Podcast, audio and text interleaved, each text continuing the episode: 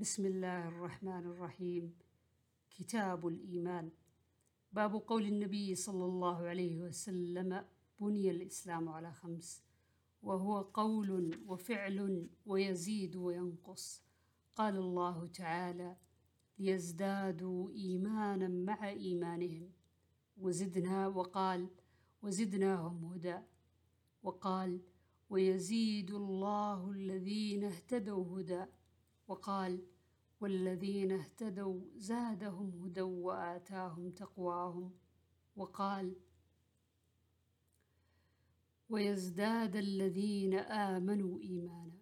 وقال أيكم زادته هذه إيمانا؟ فأما الذين آمنوا فزادتهم إيمانا.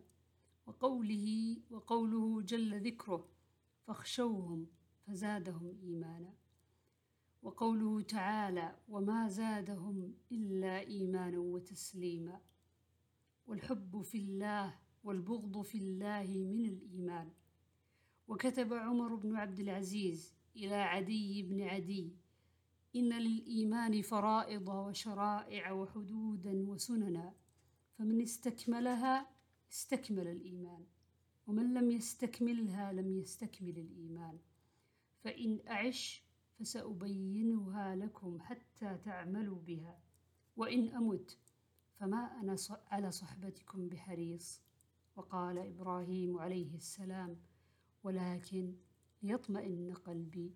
وقال معاذ اجلس بنا نؤمن ساعة.